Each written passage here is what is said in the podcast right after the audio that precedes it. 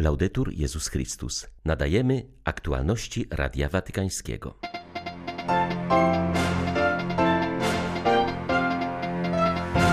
Zgromadzenie karmelitanek Dzieciątka Jezus obchodzi stulecie istnienia. Z tej okazji papież Franciszek zachęcił siostry, by nadal wnosiły w świat czułą miłość Boga.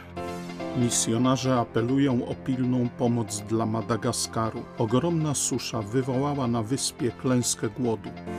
W Rimini nad Adriatykiem trwa meeting przyjaźni między narodami. Jest to największe spotkanie katolików świeckich we Włoszech. 21 sierpnia witają Państwa ksiądz Krzysztof Ołdakowski i Beata Zajączkowska. Zapraszamy na serwis informacyjny. Papież Franciszek podziękował karmelitankom Dzieciątka Jezus za ofiarną posługę apostolską pełnioną w Polsce i na misjach. Zachęcił je, aby z odnowionym zapałem przekazywały czułą miłość Boga tym, którzy jej szczególnie potrzebują. Uroczystości jubileuszu stulecia zgromadzenia odbyły się dziś w Sosnowcu, gdzie karmelitanki powstały i skąd wyruszyły na misję.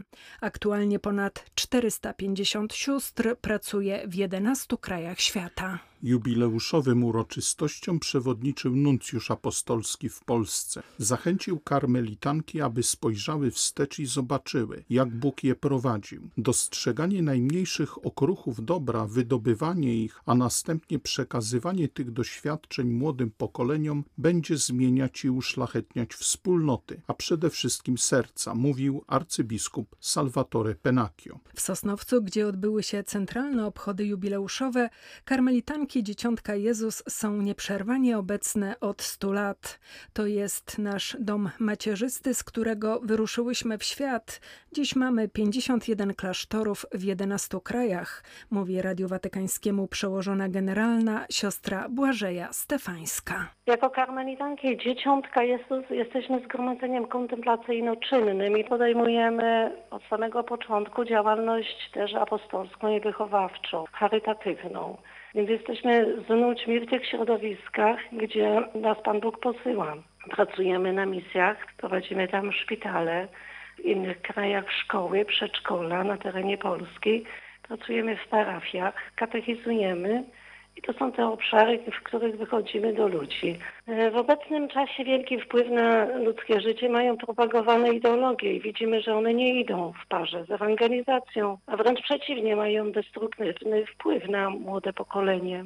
Więc wyzwaniem zawsze aktualnym jest refleksja nad sposobem myślenia i działania. Nam, jako siostrą karmelitanką, te weryfikacje ułatwia bardzo nauczanie papieża Franciszka, spójne z charyzmatem Małej Drogi, przekazanej przez założycieli, bo papież mówi, że poprzez proste słowa i gesty apostołujemy. Zachęca byśmy tym, którzy są zdezorientowani, pokazywali kierunek, więc to są dla nas aktualne wyzwania. Nakaz prowadzenia życia w duchu pokuty i modlitwy oraz zakaz uczestniczenia w uroczystościach publicznych to decyzje podjęte przez Stolicę Apostolską wobec arcybiskupa Mariana Gołębiewskiego, arcybiskupa seniora archidiecezji wrocławskiej. Komunikat w tej sprawie opublikowany został na stronie archidiecezji. Czytamy w nim, że Stolica Apostolska w następstwie formalnych zgłoszeń przeprowadziła postępowanie dotyczące sygnalizowanych zaniedbań arcybiskupa Gołębiewskiego w sprawach wykorzystania seksualnego małoletnich przez niektórych kapłanów w czasach jego posługi biskupiej w diecezji koszalińsko-kołobrzeskiej i archidiecezji wrocławskiej. W wyniku zakończonego dochodzenia nałożyła na niego nakaz prowadzenia życia w duchu pokuty i modlitwy oraz zakaz uczestniczenia w jakichkolwiek uroczystościach publicznych, zarówno kościelnych, jak i świeckich. Ponadto tytułem pokuty nakazała arcybiskupowi Gołębiewskiemu wpłacenie odpowiedniej kwoty z prywatnych środków na rzecz Fundacji Świętego Józefa z przeznaczeniem na prewencję i towarzyszenie ofiarom wykorzystania seksualnego południa Madagaskaru napływają alarmujące dane o klęsce głodu. Pół miliona dzieci poniżej piątego roku życia cierpi dotkliwie z powodu niedożywienia. Jest to wynik największej od 40 lat suszy, która dotyka tę wyspę.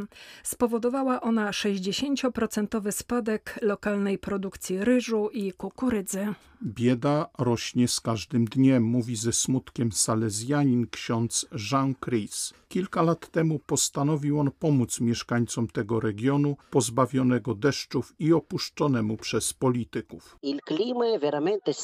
Klimat jest naprawdę suchy. W tym roku nie spadła jeszcze ani jedna kropla deszczu. Bieda pogłębia się z dnia na dzień. Wiele dzieci umiera z głodu. Czasem przybywa pomoc z zewnątrz, ale nie zaspokaja ona podstawowych potrzeb ludności. Docierające wsparcie często grabione jest przez oszustów. W kraju panuje bowiem wielka korupcja. Rządzący są bardzo sceptyczni i nie przyjmują do wiadomości, że panuje głód. Tymczasem, by przetrwać, ludzie jedzą liście kaktusa. Nie ma w nim nawet owoców, wszystko jest wyschnięte. Przygotowują do spożycia liście, wyjmują z nich ciernie. To służy jako główne pożywienie oraz po to, żeby wydobyć choć trochę potrzebnej wody. Przynieśliśmy przesłanie miłości i pojednania, które poruszyło serca. Tymi słowami biskup Edward Hiboro Kussala podsumował pokojową misję, która odbywała się we wioskach i miastach Sudanu Południowego. Została ona zorganizowana z inicjatywy liderów różnych wspólnot wyznaniowych i religijnych. Misja, w skład której wchodzili przedstawiciele organizacji międzynarodowych, miała za zadanie spotkać się z ludnością i przywódcami politycznymi, aby spróbować położyć kres starciom plemiennym, które od lat powodują śmierć i ucisk w tym kraju dotkniętym głębokim ubóstwem i poważnym kryzysem instytucjonalnym, mówi biskup Kussala. So. Poruszyliśmy serca osób, które ucierpiały z powodu ataków przemocy. Rozmawialiśmy także z ludźmi. To było bardzo dobre doświadczenie. Można powiedzieć, że była to prawdziwie Boża misja, ponieważ polegała na przyniesieniu orędzia pokoju i miłości, które dobrze robi ludziom. Orędzie dotarło. Mogę powiedzieć, że ponad 75% osób, które spotkaliśmy, zrozumiało nasze przesłanie. Jest obecnie w kraju bardzo dużo grup rebeliantów ale jest także bardzo dużo biedy. Mieszkańcy ogromnie cierpią. Brakuje jedzenia, wody i lekarstw. Mówiąc krótko, bardzo cierpimy. Biskupi z indyjskiego stanu Kerala zachęcają rodziny katolickie do posiadania większej liczby dzieci. Ich zaniepokojenie wzbudza drastyczny spadek populacji chrześcijan w tym regionie. Według ostatniego spisu powszechnego ich liczba w stanie Kerala zmniejszyła się w ciągu ostatniego półwiecza o prawie 7%.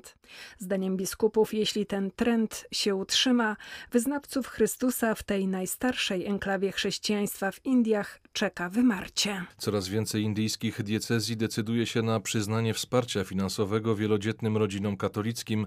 Syromalabarska diecezja Pala wprowadziła pakiet pomocowy dla rodzin posiadających czworo lub więcej dzieci. Oprócz regularnego wsparcia biskupi zobowiązali się także pokryć koszty porodów oraz udzielić pomocy finansowej w zdobyciu przez czwarte dziecko i kolejne wyższego wykształcenia. Działania biskupów stoją w sprzeczności z polityką indyjskich władz, które starają się kontrolować liczbę narodzin w kraju liczącym obecnie prawie półtora miliarda mieszkańców. Apel episkopatu nie powinien być interpretowany jako wyzwanie dla strategii rządu, to wyłącznie troska o wspólnotę, która obecnie przeżywa trudności, powiedział sekretarz Rady Biskupów stanu Kerala. 50 młodych Włochów spędza sierpień wspólnie z uchodźcami przebywającymi w obozach w Bośni i Hercegowinie. Nietypowe wakacje zorganizowała jezuicka służba uchodźcom oraz wspólnota Świętego Idziego. Młodzież pracuje jako wolontariusze oraz bierze udział w kursach językowych. Pracy jest bardzo dużo, bo lato wcale nie oznacza końca sytuacji kryzysowej na tak zwanym szlaku bałkańskim. Do obozu wciąż przybywają uchodźcy, często całe rodziny i dzieci bez opieki. Aby zbudować lepszą przyszłość, musimy się spotkać, rozmawiać i poznawać się nawzajem. Te wakacje to doświadczenie, które daje nadzieję Europie, uważa Silvia Maraone, koordynatorka projektu. Młodzi ludzie mają okazję poznania osób z różnych krajów. Obecnie w Lipie mieszkają ludzie z Pakistanu, Afganistanu i Iraku. Każdego dnia mają okazję pracować u boku wolontariuszy. To wyjątkowa okazja. Zostają tutaj tylko miesiąc, ale działają bardzo intensywnie i dużo z siebie dają. Wszyscy cieszą się ze spotkań z tymi młodymi ludźmi, którzy po powrocie opowiedzą w swoich społecznościach, co widzieli i czego się nauczyli, a to jest bardzo cenne. Musimy o tym mówić, żeby walczyć ze stereotypami. To, co dzieje się obecnie w Afganistanie, pogorszy sytuację w tym regionie, ponieważ prawdopodobnie przybędzie kolejna fala ludzi, a Bałkany nie są na to gotowe. Tak więc obecność ochotników w tym miejscu ma zasadnicze znaczenie dla wsparcia sił lokalnych. Jednym z najważniejszych tematów 42. mitingu przyjaźni między narodami, który trwa w Rymini nad Adriatykiem, jest kryzys młodego pokolenia i słabnące nadzieje młodych na przyszłość. Debaty, spotkania i prezentacje dotyczyć będą także pandemii, szczepionek i sposobów na wyeliminowanie COVID-19. Pojawiają się też tematy dotyczące najnowszych kryzysów w Afganistanie i na Haiti. Największe spotkanie katolików świeckich we Włoszech otwarło wystąpienie prezydenta Włoch. Sergio Mattarella podkreślił, że dzięki pandemii jako ludzkość na nowo odkryliśmy poczucie wspólnoty. Wygrywamy i przegrywamy razem, walczymy z pandemią, ale naszym głównym obowiązkiem jest budowanie wizji jutra, zauważył prezydent Italii. Organizatorzy zaznaczają, że wizja jutra nie rodzi się z apeli i wezwań, ale z dialogu i budowania relacji. Taki jest cel spotkania w Rimini. Rozmawiamy o tym, co jest dobre dla młodych, jak możemy stworzyć gospodarkę, która będzie im służyć uważa organizator spotkania Giorgio Vittadini. Odwaga mówienia ja, która jest hasłem spotkania, wyraża się w zdolności do działania na rzecz poprawy swojej sytuacji, sytuacji moich bliskich i całej wspólnoty. W świecie pracy zachodzą obecnie wielkie zmiany. Istnieje aż 286 zawodów, które wkrótce będą wymagały zdobycia dodatkowych kompetencji lub już tego wymagają. Bezrobocie wynika z trudności w dostosowaniu się do nowych miejsc pracy, nie tylko tych w przestrzeni cyfrowej, ale również zawodów tradycyjnych. Nasze spotkanie ma na celu pokazanie szans tam, gdzie póki co widzimy tylko problemy. Rewolucja cyfrowa oznacza dużą zmianę, która następuje również poprzez szkolenia i spotkania takie jak to. Ono uczy nas elastyczności, której potrzebujemy, aby zaczynać od nowa. W oczekiwaniu na beatyfikację prymasa Wyszyńskiego.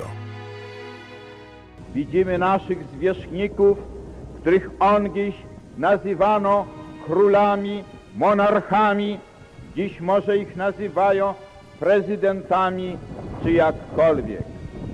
Ich zadaniem jest służyć, mają nam służyć, mają pomagać społeczności narodowej czy państwowej ale gdy tak jest i oni oczekują współdziałania i wszyscy podwładni muszą współdziałać z tymi, którzy kierują nawą życia publicznego, jeśli ma życie to być owocne, skuteczne. I od tego w dużym stopniu zależy, czy jesteśmy usposobieni do tego współdziałania, do tej pomocy, aby wszelka inicjatywa, wszelkie poczynania, zwłaszcza szlachetne, by były owocne i ku pokojowi. Były to aktualności Radia Watykańskiego. Laudetur Jezus Chrystus.